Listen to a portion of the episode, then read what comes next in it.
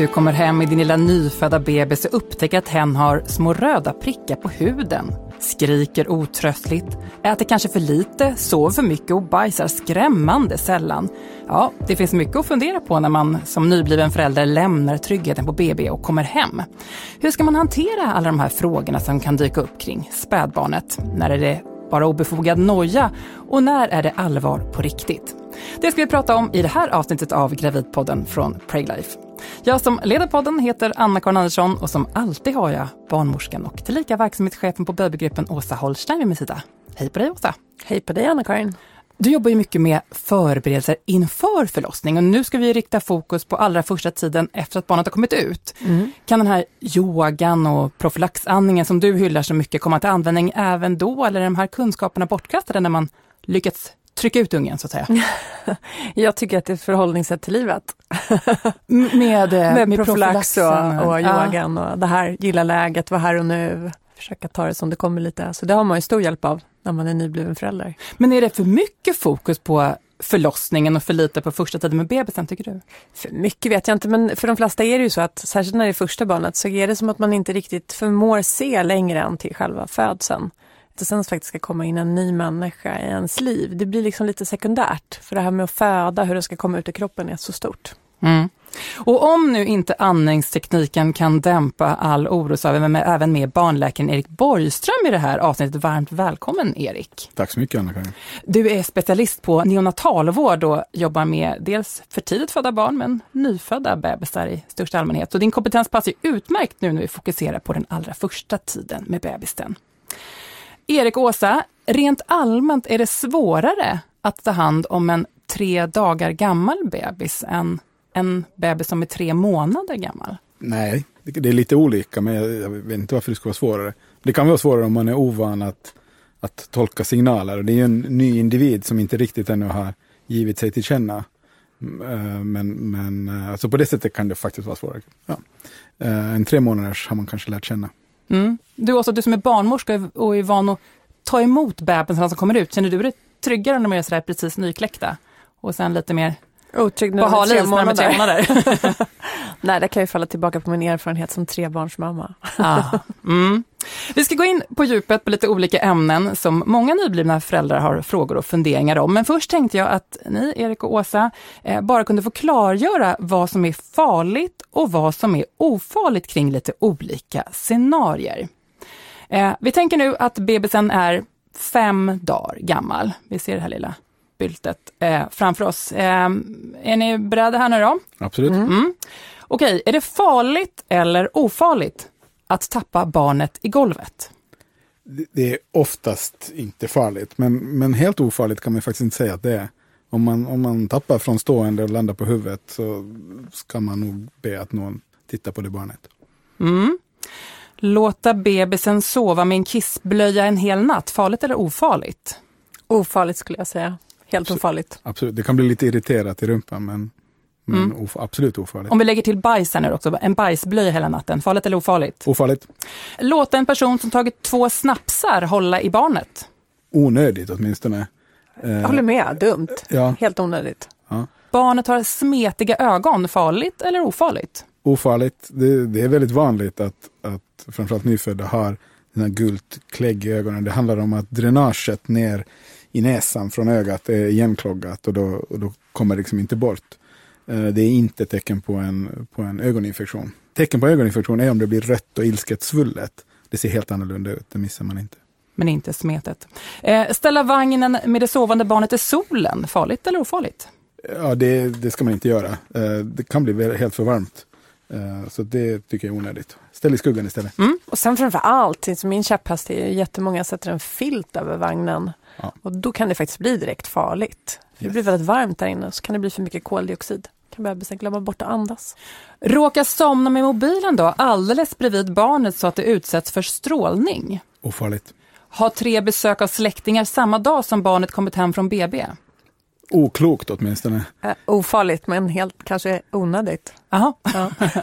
att glömma det här greppet som håller upp bebisens nacke så att barnets huvud faller bakåt, farligt eller ofarligt? Ofarligt. Att barnet har kalla och blåaktiga fötter och händer? Det är väldigt vanligt, det är helt ofarligt. Uh, det, det handlar om att, att barnet i början har en omogen reglering av, av sina blodkärl och överger det som den tycker är lite mindre viktigt. Så att, eh, det behöver inte ens vara tecken på att de är kalla, utan ibland kan de bli blåa största allmänhet. Det är helt ofarligt. Mm, slutligen, stoppa in en napp som tappat på marken direkt i bebisens mun. Farligt eller ofarligt? Det är nog ofarligt. Men de flesta tycker att det är äckligt, så de gör inte det. Men jag har svårt att tro att det är farligt. Det skulle vara en tapparen i hundbajs då kanske? Ja, jag, jag tror ändå inte att det är farligt. Men ganska äckligt. Ja, då tänkte jag vi kunde gå in på lite olika ämnesområden nu och vi börjar med skrik. Eh, först och främst, varför skriker bebisen? Ska vi vara helt ärliga så har vi faktiskt ingen aning. Men, men eh, troligen är det ju ett sätt att kommunicera. Eh, barnet har ju olika sätt att, att kommunicera med, med kroppsspråk och mimik i ansiktet och så. Och, och då blir nog skrik ett sätt att, att kommunicera. Mm. Ofta har ju faktiskt barnet kommunicerat via de här andra sätten, kroppsspråk, mimik, innan det tar till skriket. Det är liksom ofta det sista kommunikationsmedlet. Och så finns det ju olika former av skrik. Ja, kan man tolka skriket då, de här olika formerna? Så man vet vad det är uttryck för? Ja, alltså det, det kan nog föräldrar som lär känna sitt barn kan nog förstå vilken, om, om det är om det bara är lite förnöjsamt eh, uppmärksamhetsskrik eller om det är verkligen något som är ett problem. Och om barnet inte blir eh, tröstat eh, och nöjt då, med, med de sätt man kan använda, till exempel att man gissar att det är hungrigt och, och, och ger mat. N när, när, kan skriket vara fog för en oro när man ska ringa sjukvårdsupplysningen? Men, men det är viktigt att säga att, att, att skrik är inte farligt. Ett barn kan skrika länge. Eh, och, och, det är viktigt därför att ibland så blir folk väldigt frustrerade och trötta. Och då är det nästan bättre att lägga ett skrikande barn i sängen och gå därifrån och, och, och skärpa till sig och sen komma tillbaka. Eh, sen kan ju orsaken till skriket vara att barnet har väldigt ont av någon anledning. Så att pågår skriket väldigt länge och känns helt otröstligt, då tycker jag att man ska fundera på om, om det är någonting man vill visa upp för någon annan. Mm. Men vad är bästa sättet för att få stopp på skriket då? Vad, vad ska man testa? Klassikern är att gå omkring med dem på, eh, över axeln eller på armen och vischa och vagga. Det, det blir väldigt naturligt. Det, det, det, känns väldigt naturligt att göra det med ett barn som skriker. Mm. Finns det något universalknep, något grepp som är särskilt bra? Att lägga upp på axeln. Mm. Oft, oftast upplever åtminstone jag att, att de känner att, att de, om de är stöd mot magen så blir det lite lättare. Men, men det där brukar ge sig ganska naturligt. Vi, barn har olika favoritpositioner och föräldrarna olika. Så. Mm. Men jag tänker också så här med skriket, att man liksom har checkat, är, är det kissigt i blöjan, har den bajsat, är den hungrig, behöver den rapa, är den för varm, är den för kall? Att man liksom har bockat av allt det där också. Absolut. Eh, ni inom vården, ni, ni eh, varnar ju föräldrar för shaken baby syndrome som det heter. V vad är det för någonting? Ja, men det är ju när man tar barnet och, och skakar det så att huvudet åker fram och tillbaka. Uh, och det var precis det som Erik sa alldeles nyss, att om barnet skriker väldigt, väldigt mycket under lång tid kan man bli oerhört frustrerad som förälder. Skriket i sig är inte farligt. Då är det mycket bättre att lägga ner, det är det vi rekommenderar, att man lägger ner barnet i en säng på ett tryggt ställe, lämnar rummet, kanske till och med stänger dörren och går ut och lugnar ner sig för att kunna komma tillbaka och trösta barnet utan att ta upp det och skaka det i ren frustration. Så här, nu är du tyst, jag blir galen. Men vad är det i skaket som är så farligt? För när vi pratade om vad som var farligt och ofarligt tidigare så, så eh, var det ofarligt att eh, tappa eh, greppet här bakom nacken som man lär sig att man ska hålla i barnet eh, så att det liksom faller bakåt. Men, men skakningarna är... Det, det är den upprepade rörelsen fram och tillbaka som är skakning. Och, och huvudet är är mycket större i förhållande till kroppen på ett, på ett litet barn och mycket tyngre. Så barnet har inte nackmuskulatur att kunna hålla emot. Och då åker huvudet fram och tillbaka och det är riktigt allvarligt. Dessutom när man håller så blir det ofta så att det blir väldigt hårt klämt om bröstkorgen. Eh, så, så det kan också vara ett problem. Men det är viktigt att säga, för jag tror att de flesta föräldrar har väldigt svårt att tro att de själv skulle göra det. Men när man lägger sömnbrist, eh, liksom en generell oro och några timmars skrik och en massa andra på det så, så är det vissa som beter sig väldigt märkligt. Så, att, så det viktiga är att, att man känner till det och inser att shit, nu, nu känns det inte bra. Och då som Åsa säger, lägga ner barnet och gå ut och, och liksom ta ett djupt andetag. Mm. Det är liksom inte en speciell form eller typ av föräldrar som det kan hända, utan det kan hända oss alla. Ja. Just med de här faktorerna, sömnbristen och frustrationen. Och, eh, det är otroligt frustrerande att inte kunna trösta ditt barn. Mm.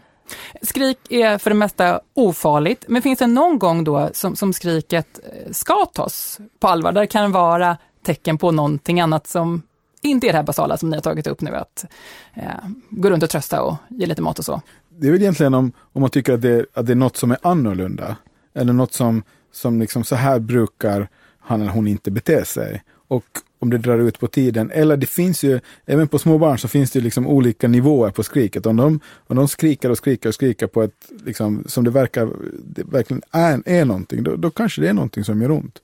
Eh, och, och något som, som är men, men alltså rent, om jag ska vara krass som barnläkare, så ett barn som fortfarande skriker mår ju någon, och som orkar skrika mår ju fortfarande liksom bra rent medicinskt. Mm. Mm. Är det en risk snarare att skrika för lite?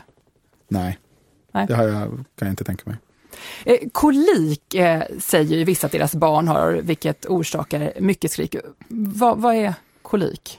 Kolik är att de skriker under en längre period varje dag, oftast på, på kvällen för natten och är otröstliga och, och, att man inte hittar någon annan förklaring. Men det är, det är mycket skrik och det är varje dag. Mm. Eh, kan man veta att det är kolik? Det finns inget blodprov eller test, utan det är mer uteslutning att barnet mår bra i övrigt, men har en period när den är väldigt skrikig. Mm. Och kan man göra någonting åt det om man misstänker att det är kolik? Nej, men det, det är som vi sa, att det, alltså man ska trösta barnet, göra det som känns naturligt, lyfta upp det och gå med det. Men, men det blir, en, det blir en, en period då det är mycket skrikighet. Det, det, finns en massa produkter på, på marknaden som säger att de ska bota kolik och så. Och de, de håller inte när man tittar på dem på, liksom på ett tråkigt men vetenskapligt sätt. Så att, sådana här som gasbindande eh, produkter eller probiotika och sånt, de, de har inte effekt på det här. Det bara är så. Vi har inget bra botemedel mot kolik. Så det är lite grann att slänga pengarna i sjön? Absolut. Men tror man inte längre då att det har att göra med att de har ont i magen ens? Utan det, det känns väldigt, det känns väldigt logiskt, för det ser ut så. så de drar så, ju liksom ihop sig sådär, knäna upp mot magen. Och, ja. Absolut, men, men det är inte, vi, vi vet faktiskt inte, men, men, men det, det skulle mycket väl kunna vara så, men det, det är helt ofarligt. Uh, och kanske därför inte jättebeforskat av oss, för det är helt ofarligt och det är under en period. Mm. Vi ska nämna lite kort eh, om mat här också. Åsa, du var ju inne på att man skulle testa först när barnet skriker om det kanske är hungrigt. Hur, hur mycket ska eh, barnet äta? Hur, hur, vet man? Om du får i sig tillräckligt? Ja. Det är mm. också så stor eh, undran hos nyblivna föräldrar. Eh, man säger det att innan amningen är etablerad så ska barnet äta ungefär var tredje, fjärde timme. Och då kan det faktiskt vara så i början att man får väcka det för att det verkligen ska äta var tredje, fjärde timme. Men sen när amningen är etablerad, när det har kommit mycket mjölk, vilket sker ungefär på tredje dygnet, då är det ju fri amning som gäller, att barnet ska ammas så fort som det visar intresse för bröstet. Och om barnet kissar och bajsar, då vet man att barnet får i sig tillräckligt. Mm. Kan man ge för mycket mat? Man, man kan nog inte amma för mycket. Däremot så, så de fabrikerna som tillverkar bröstmjölksersättning till, kan tillverka väldigt mycket, så där kan man faktiskt ge för mycket. Men, men, eh, men det som Åsa säger, liksom i, i början så, så ska ju alla barn gå ner i vikt, så de får in, i sig mindre och så börjar de amma och så börjar de gå upp i vikt. Och det är ju kvittot på att de får i sig tillräckligt, är att de går upp i vikt. Eh, och så är det viktigt att följa barnets signaler. När de signalerar hunger så, så hänger man på. Mm. Och då är det just med det nyfödda barnets signaler, så är det så att har barnet börjat skrika då, då har man redan missat hungersignalerna, för de har massa andra signaler innan. Rör huvudet från sida till sida, tar upp handen mot munnen, börjar slicka sig på läpparna och visar att de är hungriga. Så att man, eh, Även när de är så här små, bara ja, några dagar Man måste gamla. ta sig tid och titta på sitt barn, för de är väldigt kompetenta och ger väldigt tydliga signaler. Mm. Vi kommer att prata mycket om men just är de mycket hud mot hud mm. och mycket nära i början så är det lättare att fånga de här signalerna. Mm. Om de ligger i, instoppade i en säng i, ett, liksom, i andra delen av rummet så är det svårt. Men, så vi, vi kommer att propagera hårt för ja, hud som, mot hud ja, och Vi som jobbar med nyfödda barn, eh, vi brinner ju för det här att man ska ha barnen nära hud mot hud. Mm. Jättemycket. Och vi kan även passa på att varmt rekommendera poddavsnittet som handlar just om amning, men eh, här lämnar vi just det för tillfället nu. Ja, vi ska strax gå över till ämnet sömn, men en term som ni inom sjukvården ofta använder till föräldrar är allmäntillstånd. Så jag tänkte att vi bara skulle ta det eh, först. Åsa, hur skulle du förklara begreppet allmäntillstånd? Helt enkelt hur barnet mår. Och, och för en nybliven förälder som precis har kommit hem, inte haft barn tidigare utan kommer hem med den här lilla bebisen så kan det vara svårt att veta vad som är då ett allmäntillstånd. Eh, och så har jag bett dig ta fram som en, en, en checklista som man kan gå efter för att ta reda på om ens barn har ett bra allmäntillstånd. Vad ska vara förbockat och eh, så för att jag ska kunna svara ja på den frågan? Ja. Barnet ska vakna av sig självt och vara hungrigt och vilja äta. Eh, barnet ska vakna när du tar av dig blöjan eller byter kläder och inte sova igenom. Barnet ska kissa och bajsa flera blöjor varje dygn och barnet ska sova däremellan. Och, och ha en fin färg. Ja, en fin ska vara rosig och fin ja. och, och ha en bra stuns. ja, ja, de var svårare att greppa. Nej, men det, fin färg. Fin färg är liksom rosa, som baby, bebisskär. Ja. Eh, mm. Uh, och, och, och inte vara vita eller bleka eller gråa eller blåa utan ha en fin rosig färg. Och, och vad gäller stunsen, om man ett, ett, redan ett, liksom ett barn, tio minuter gammalt barn har en väldigt tydlig grundstuns, tonus. Och, och den ska de ha. Och ett barn som blir på något vis påverkat någonting blir oftast väldigt slappa. Så det är bland det första jag gör, är liksom känna på barnet. Och finns det liksom en bra grundstuns där, då mår de oftast ganska bra. Och när du är inne på hudfärgen, om, om det är ett, ett barn med en annan eh, bakgrund än den typiskt svenska, är det, är det svårare då att bedöma? Den, om den inte har den här skära hudtonen? Nej, fast det är inte det. Eh, de, de, de, är inte skära, men, men, men det finns en, det finns en, liksom en, en, en hälsosam färg. Om, man, om inte annat så kan man titta på läppar och tunga och händer och så. Mm.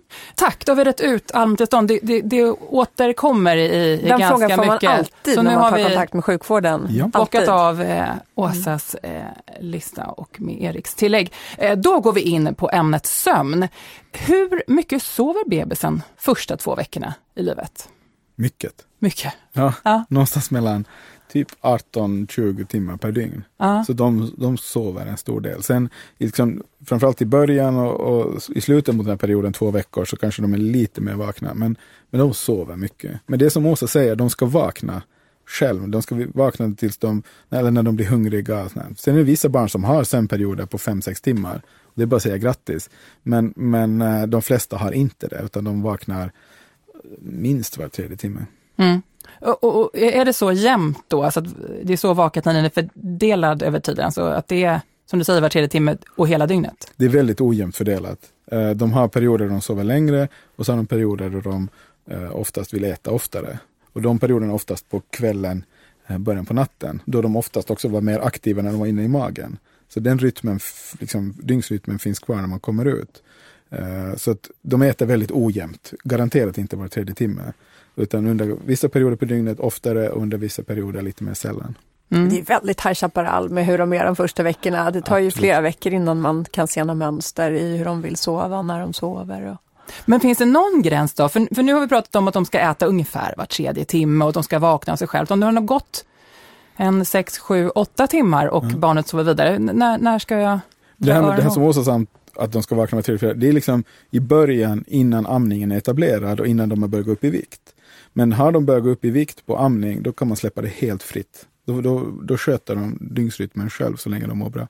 Mm. Sen brukar det ju vara så här att kvinnan, som, om hon ammar då, man klarar inte av att gå mer än kanske sex timmar utan att barnet ammar, för man får så himla fyllda bröst.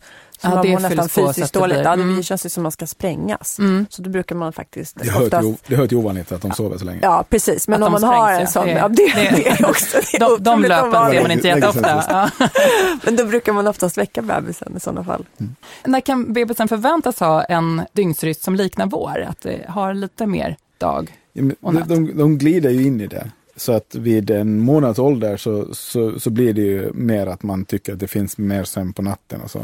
Men, men det, det, går inte att säga exakt hur lång tid, men de, de glider sakta in i det. Men, men ofta så har de ju rätt länge en period då de vill äta ofta på, på kvällen och, och, och tidig natt. Mm. När vi pratar om de här allra eh, första dagarna, eller första veckorna i alla fall, kan barnet då få för lite sömn? Ja, men det, alltså det hör ju verkligen det hör ju till ovanligheterna, men, men det finns ju ibland att de är stressade av någonting, att det är någonting som inte funkar. Till, till exempel om de inte får i sig tillräckligt med mat, då kommer de nog inte till ro. Men det, det hör faktiskt till ovanligheterna. Men de, de reglerar det själv i allra flesta fall. Mm, och det omvända för mycket sömn? Nix. hur ska barnet sova då? Barnet ska sova på rygg eller på sidan, upphallad med någonting liksom vid magen så att den inte kan rulla över på magläge. Och det, och det, är, det är helt absolut. Det, allt annat är fel, dumt och oansvarigt. Mm. Om jag kan komma på något ännu kraftigare så ska jag säga. Det, Varför det då? Jo men det, det är så tydligt visat att barn som sover på rygg har en mycket mindre risk för det här otroligt läskiga som finns som kallas för plötslig spädbarnsdöd. Och det är fortfarande, det är ovanligt oberoende om man sover på mage eller rygg, men, men risken minskar jättemycket om man sover på rygg. Så det finns liksom inget alternativ att rekommendera än att sova på rygg. Mm. Så att vi har gjort det då by the book, lilla bebisen ligger på rygg, men börjar låta mycket, det rosslar, det, det är mm, en liten snarkande spädis. Vad, vad, vad kan det vara? Oftast är det att det bara är lite slem som har fastnat någonstans och som rosslar, som faktiskt är mer jobbigt för, för föräldrarna som hör det än för barnet själv. Och är, är det övergående och kommer i perioder, då är det väldigt sällan någonting. Och det man kan göra det är att titta på barnets allmäntillstånd. Alltså färg. Ja, där har vi nytta av checklistan direkt. Färg och grundtonus. Hur, hur liksom, om barnet sover fridfullt, lugn andning och rosslar lite, då, då kan det ju inte vara särskilt farligt. Uh, men om, om liksom rossligheten och kanske börjar jobba med andningen och liksom andningsmönstret ser annorlunda ut, då, då ska man åtminstone lyfta upp barnet och se vad det är. Om det fortsätter så, så kanske man ska be någon titta på det. Och andningsmönstret då menar du Erik, eller hur? Om de verkar ha jobbigt liksom, med att andas. Ja, men ett, ett nyfött barn, liksom en vecka gammalt, det, det, går ju knappt att se att de andas. Det, det, är nog alla föräldrar som har varit framme och lyssnat och petat på sina barn för att se om de verkligen andas. Och för deras andningsrörelser är så otroligt lugna. Men om man ser att de jobbar och häver med andningen och liksom det är väldigt tydligt, då är, det nog, då är det nog någonting som påverkar deras andning som gör att de vill andas djupare. Och, då, mm. och det är de små barn, då ska man visa upp dem ganska direkt. Barnet ligger eh, på rygg, eh, jag ska själv gå och lägga mig. Kan jag då sova helt avslappnad när barnet sover? Eller ska jag vara uppmärksam på någonting när barnet sover? Till exempel lyssna på andningen och se om det ligger kvar på rygg, om det kan kvävas av någonting. Eller om det är för varmt eller för kallt. Eh, du kan sova. Du, man, vi behöver inte övervaka våra barn när de sover. Sen framförallt i början så, så gör man ju det. Om man sover inte jättedjupt och minsta lilla gny från dem gör ju att man sätter sig upp. Uh, för att det är, liksom, det är så vi är funtade. Och sen, men, men det finns inte, behöver inte övervaka våra barn. De, de är coolt designade. Mm. Och de kommer inte att sätta i halsen av sitt eget kräk, eller kvävas av sitt eget kräk när de ligger på rygg. Helt säkert? Hundra. Mm. Eh, om jag ändå då oroligt lagd så finns det ju teknik nu som, som eh, sömnapnélarm har blivit ganska eh, poppis. Kan jag sova ännu lite tryggare om jag kopplar på ett sånt? Det kanske du kan för att, för att du tror på en sån grej, men det, det finns från vår sida liksom inom, som barnläkare så, så är det absolut ingenting vi rekommenderar. Tanken tror jag som de flesta har när de köper ett sånt larm är att det ska skydda mot eh, otroligt läskiga plötsligt spädbarnsdöd. Och det gör inte det av olika anledningar som kan vara lite märkligt. Men, men det bara, det skyddar inte mot det. Om det skulle skydda mot plötsligt spädbarnsdöd så skulle vi dela ut det till alla. Det, det skulle vara en rätt billig försäkring mot det. Eh, så det gör inte det. Så frågar mig så är det helt bortkastade pengar. Jag tror bara det stör mer nattsömnen både för bebisen och för dig. För det larmar ju, det falsklarmar och ett jäkla larmande. Om, om man pratar om det här med plötsligt spädbarnsdöd så, så är det ganska intressant alla, nyföd, alla föräldrar till nyfödda barn känner till det i Sverige. Och det är väldigt, väldigt, väldigt ovanligt att det händer. Så den oro som läggs på det är ju faktiskt inte rimlig eh, egentligen. Sen är det ju någonting väldigt grymt och orättvist och helt oförutsägbart. Och det enda man kan göra det är att inte börja röka eller röka, ha sina barn på rygg och, eh, och sen är man för tidigt född så är det en ökad risk, det kan man inte göra så mycket åt. Sen finns det andra riskreducerande som amning och napp och inte samsovning och sånt. Men gör man allt det här så, så finns det ingenting mer man kan göra. Och då är mitt förslag att bara försöka inse att det här är så sjukt ovanligt att det kommer inte att hända. Det, det finns saker som är mycket mer sannolika som kan drabba för, barn. För att ge en liten siffra så föds det ungefär 115 000 barn om året i Sverige. Är det 25 barn? Ja, inte ens det. Nej. Som, som och det är fruktansvärt när det händer, men det är väldigt, väldigt, väldigt få barn. Och har man svårt att sova när den lilla nyfödda ligger bredvid, då kanske din profylaxandning kommer till nytta där för att komma till ro. Självklart, alltid. För en god natts sömn.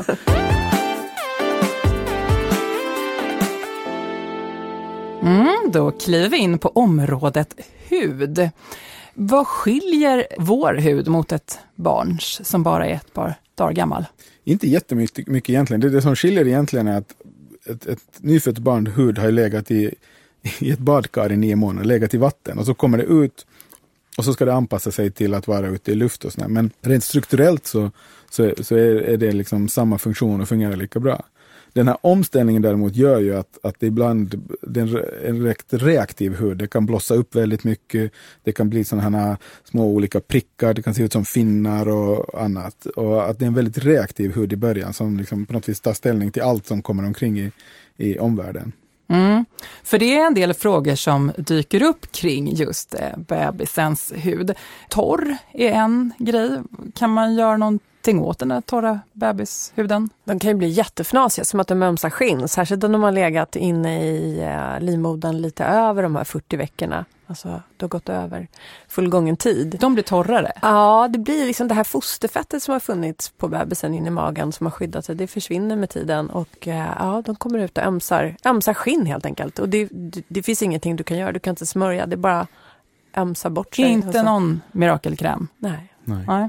Som barnmorska trodde du skulle lansera bröstmjölk. bröstmjölk. Jag trodde det va? den bjöd jag inte på. Nej, men den kan man, man kan säkert smörja in den med bröstmjölk men man kan inte klatta in en hel unge med bröstmjölk. Liksom. Och så det blir, nej, det blir inte fräscht. Nej, nej det finns, det är bara... Kanske luktar efter ett tag, eller? Ja, det kanske gör också. Ja. Härda ut. Mm. Man kan säga, det kan bli liksom i, i böjveck, som vi kallar det, alltså där var huden böjer sig. Där kan det bli så torrt så att det nästan blir lite sårigt. Där kan man smörja in med någon olja. Mm. Eh, någon billig olja. Mm -hmm. Jag skulle inte satsa pengarna på det här heller. Nej, det är inte mycket Utan du parfym. lägger pengarna på här. Ja. Eh, på huvudet då, det kan bli så här lite fnasigt och sådär. Kan man inte göra något där heller? Jo, man kan. Det, det kommer oftast lite senare, det som kallas för skorv. Det, vissa får ju en, liksom, en rejäl kaka. Eh, och då kan man dels smörja in med olja och se om man kan liksom skrapa bort det. Eller så finns det speciellt eh, läkemedel som heter, som har... Eh, Acetylsalicylsyra. Jag körde det på ett av mina barn som ja. man satte på så skulle det verka och sen skulle man sitta med någon Det var inte populärt kan jag säga. Ja. Skorv är helt ofarligt. Det försvinner garanterat eh, och det är nog mest eh, föräldrar som tycker det är jobbigt. Rodnader då på, på huden, vad, vad kan det vara för något? På den nyfödda huden, första veckan, veckorna, så, så är det det här att, att, att det är en väldigt reaktiv hud.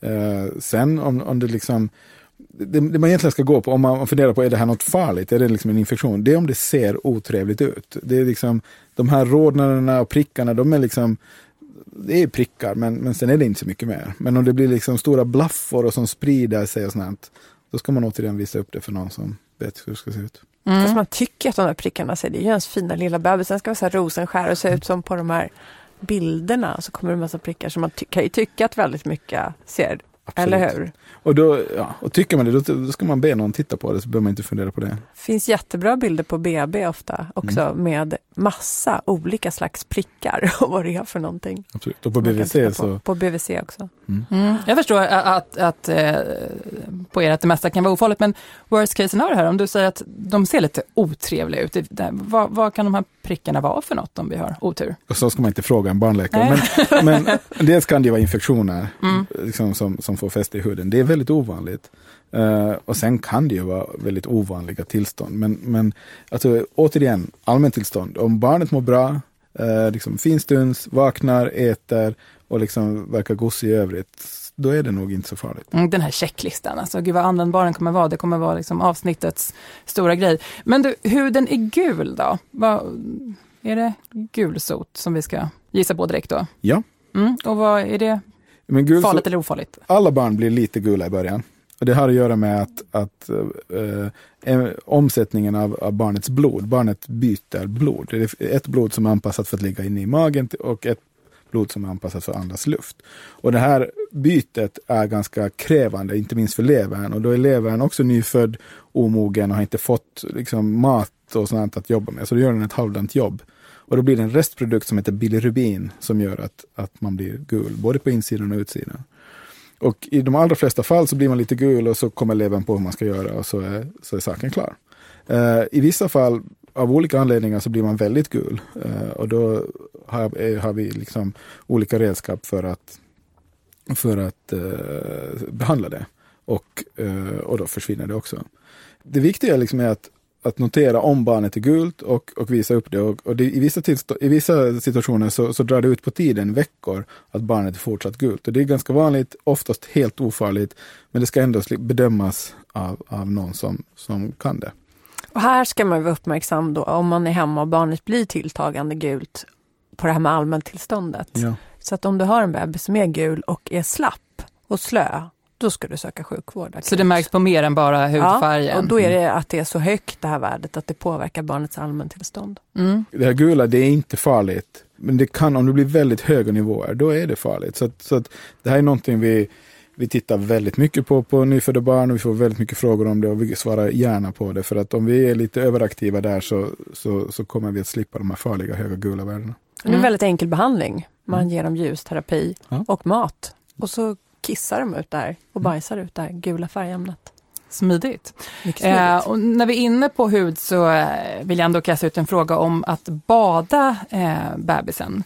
Ett par dagar gammal, när är det dags för första doppet? Men det får ju föräldrarna själva bestämma. Förut badade man ju alla barn direkt när de föddes. Det är ju helt onödigt. Det är ju bra för barnets hud att ha de här skyddande ämnena som har funnits inifrån livmodern. Jag vet inte, vad rekommenderar man nu Erik? Senast idag så, ja. så var det en barnmorska och jag som gav olika rekommendationer. Ah, okay. ja. Jag, jag, min, det enda jag tänker är den här naven som ju ska skrumpna ihop och falla av.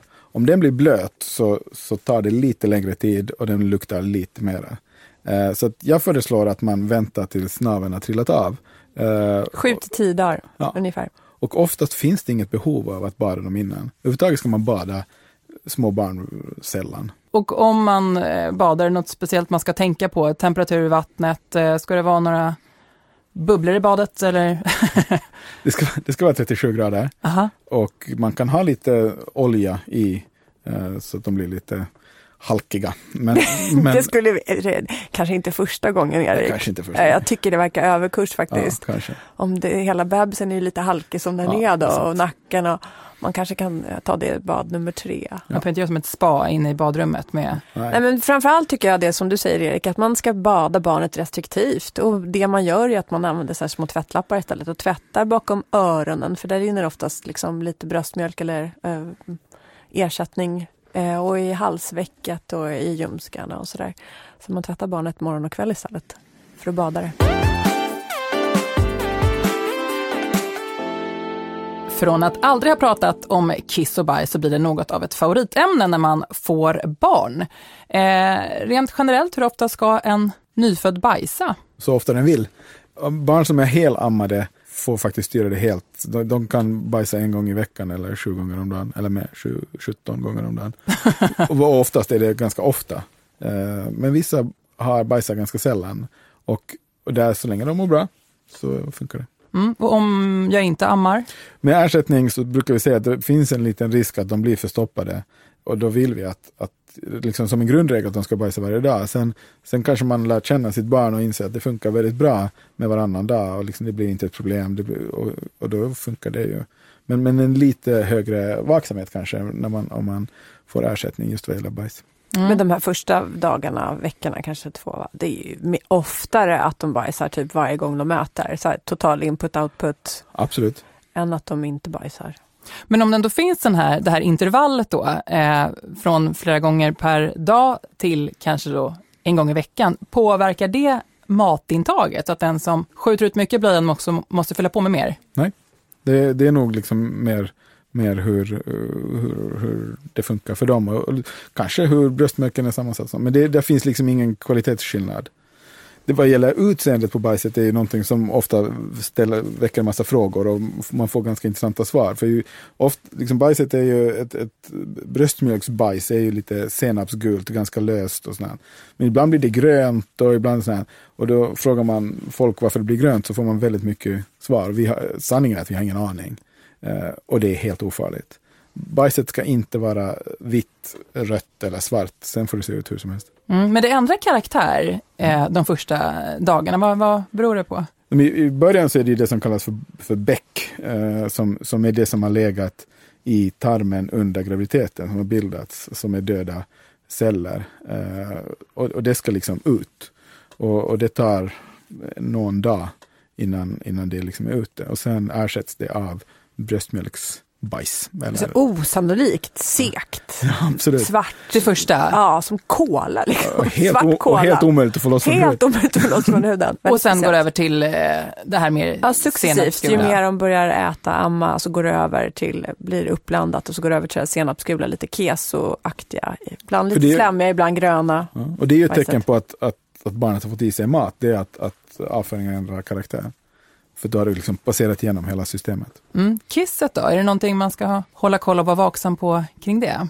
I början, det har med faktiskt det här med, vi pratade om gulsot, det har med gulsot att göra. För när, när barnet gör sig av med gulsoten så, så faller den här bilirubinet som det hette kan falla ut i kristaller och då blir det tegelrött i blöjan. Och, och om man tittar snabbt så kan man tro att det är blod. Men det är lite, lite brunare, lite mer tegelrött och det är också helt ofarligt. eh, och försvinner på några dagar. Mm. I början så eh, klargjorde vi att det var ofarligt att låta bebisen sova med en kissblöja och till och med en, en bajsblöja en, en hel natt. Vad finns det för rutiner kring blöjbyten? Är det någonting som man ska tänka på med den här lilla nya när man är ovan att byta? Nej, eh, man ska byta om det, den känns väldigt tung eller det luktar, det är bajs eller barnet verkar missnöjt. Vad gäller kiss så ska man säga att, att barn kissar ju ganska mycket, det ska de göra. Det är faktiskt ett observandum om de inte kissar. Om det är en torr blöja och det är fyra timmar sedan jag bytte blöja, då kissar den rätt lite just då. Men, men annars så, så byter man ju när, när, när, när det blir tydligt att det behövs. Men det man kan fuska lite med är då om det är kiss och det är en sån här nattmatning, att man måste inte dra igång hela byta blöja-processen. Utan man kan faktiskt hoppa över och byta blöja ett mål på natten för att få sova lite. Absolut. Plus moderna blöjor är ju så otroligt bra på att suga upp så det blir ju faktiskt inte särskilt blött mot huden. Eh, Om blöjan är torr ovanligt länge, det är sommar och, och soligt eh, och jag misstänker att eh, barnet kanske hyser för i sig för lite, kan jag också ge lite vatten eller? I, I Norden så, så rekommenderar vi inte. Det intressanta är att i vissa andra länder så, så gör man det. Men det, det finns ingen anledning. Det, det intressanta är att till exempel bröstmjölk blir faktiskt, innehåller ju mer vatten om det, är, om det är väldigt varmt ute. Så de får i sig mer. Eh, så att amma på eller ge ersättning som vanligt. Bröst, nu kommer barnmorskan, det måste jag ändå säga, bröstmjölken är ju i huvudtaget oerhört cool. Den anpassas ju efter det nyfödda barnets behov. Så om man till exempel får barn för tidigt, sådana barn som du jobbar med, då är ju den mjölken anpassad för det för tidigt födda barnets behov. Och sen, precis som Erik säger, är det varmt så blir mjölken vattnigare. Och... Mer protein i början. Och så. Mm. Mm, det är coolt. Mm, sista området vi ska avhandla är som ett litet uppsamlingshit skulle man kunna säga med lite olika grejer man kan fundera på när man ska ta hand om sin lilla bebis. Eh, naveln eh, nämnde du ju eh, Erik. Eh, det sitter ju en stump kvar av navelsträngen när man eh, kommer hem. Det kan lukta rätt illa. Ska man vara uppmärksam på något mer än vänta ut badet? Nej, men Det man ska vara uppmärksam på är att, att eh, alltså det kommer lukta väldigt illa, så det, det är helt normalt. Det ska inte bli en rodnad som sprider sig liksom i hudplanet. Det kan vara lite rött precis runt omkring för när det har legat emot och skavt. Det är helt okej. Eh, Men det ska inte sprida sig en rodnad i hudplanet. eh, För då kan det vara en infektion. Och det är väldigt sällan eh, som det händer. Väldigt, väldigt sällan. Och det vi vet att ju mindre vi gör med de där navlarna, desto bättre går det. Så ju mer vi är där och pillar och tvättar och lägger om och hittar på saker, desto större är risken för infektioner. Mm. Men hur illa luktar det då? Och ond bråd död. Men det är ju en förruttnelseprocess. Ja. Det har ju varit i en navelstränge som har varit organiskt material som nu ska torka in och trilla bort. Mm. Det kan lukta pyton. Och, och ska du ha det där lilla Ja. knytet ändå? Absolut. Hud mot Ja. hud som ni har Mm. pratat om. Det är en Mm. ganska kort period som är lite så förskräckligt. Eh, om jag känner på eh, bebisen och tycker att den är lite varm, lite kall och vill ta tempen, hur gör jag det med en sån här liten då? Du behöver inte göra det. Jag tycker Nej. inte att man ska ta tempen på små barn. Eh, Utan det, man känner väldigt tydligt om de är, är varma eller, eller kalla. Eh, man kan inte ta, jag, jag tycker inte att man ska ta rektal temp eller hålla på med det stup i. Rektal, det är uppe i rumpan. upp i verkligen rumpan. inte. Nej. Nej. Varför- Det är varför verkligen inte? Nej, men det är, varför ska man ta, om man nu ska ta temper kan man väl ta i örat eller under armen. Men varför ska man pilla den i rumpan för? Det, det vi vet, om man gör det ofta så finns det faktiskt risk att man skadar tarmen på insidan. Så det tycker jag inte. Utan, sen ska det också sägas att, att små barn första veckan, de får i princip inte feber ens vid allvarliga infektioner. Så att det är liksom inget bra tecken på om, om de är sjuka eller inte. Utan det man går på är allmäntillståndet. Absolut. Man kan känna faktiskt i bebisens nacke Ja. tycker jag. Där brukar man känna om den är, är bra varm. Och man brukar också säga, jag vet inte, det kanske är så gammal sägning, men bebisar som är lite kalla, de får hicka. Stämmer det? Nej, det vet jag inte. Nej, då kan vi skippa den. Nej, Och man ska inte känna på händerna och fötterna då i början, för de kommer ju vara kalla. Ja. Oftast. Mm. Eh, naglarna då, de är ju små, men ändå kan de vara vassa och vissa barn river sig själva. Vad ska man göra åt det? Man kan ju riva av barnets naglar, de är väldigt mjuka i början. Ingen nagelsax? Ja, men det kan man väl ha om man är väldigt stadig på handen. Det finns en liten risk att barnet rör sig eller liksom försöker dra handen till sig och att man klipper på den här käns lika känsliga huden då. Det är ju jobbigt både för dig som nybliven förälder och för bebisen. Så man brukar kunna riva av dem faktiskt. Eller ta en liten nagelfil och bara fila av dem. En del, I en del länder så har man små vantar Absolut. på barnets händer för att de inte ska rivas i ansiktet. Jaha, men då måste du köpa några specialvantar eller? Nej. Finns... Eh, Man kan också sätta på vanliga små strumpor. Alltså, Okej. det, diabetesbutikerna kommer ju hata mig efter det här. Lägg pengarna på något annat. Jag vet. Små Det är, strumpor. det är helt onödigt. Helt onödigt. Ja. Eh, och det kan inte vara farligt när de river sig själva? Nej. Nej. Eh, de har inte feber eh, första veckan, så det, men kan de vara förkylda då? Alltså, de kan ju få en förkylning, men, men då, de blir inte förkylda som att de blir nedstäppta eller får snor eller, eller eh, nyser. Och så, utan de, då blir de påverkade i sitt allmäntillstånd. Det är, om ett litet barn under en månad eller så får, får en förkylning så blir de bara trötta. Eh, de, det finns egentligen inga andra tecken. Däremot är det väldigt vanligt att nyfödda barn och första veckan, de nyser ofta. Och det är inte förkylning, utan det är att de rensar näsan. Eh, de är, helt, de är helt beroende av sin näsa. De kan inte andas via munnen egentligen, utan de måste kunna andas genom näsan. Så att de vill att det är öppet där, så då nyser de för att rensa. Mm. Svamp på tungan låter obehagligt, men det kan tydligen små bebisar få. Hur upptäcker man det? Det blir en vit beläggning på tungan.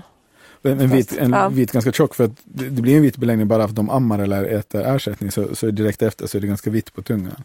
Men det här blir en ganska tjock vit beläggning. Kan även gå upp på kinderna på insidan.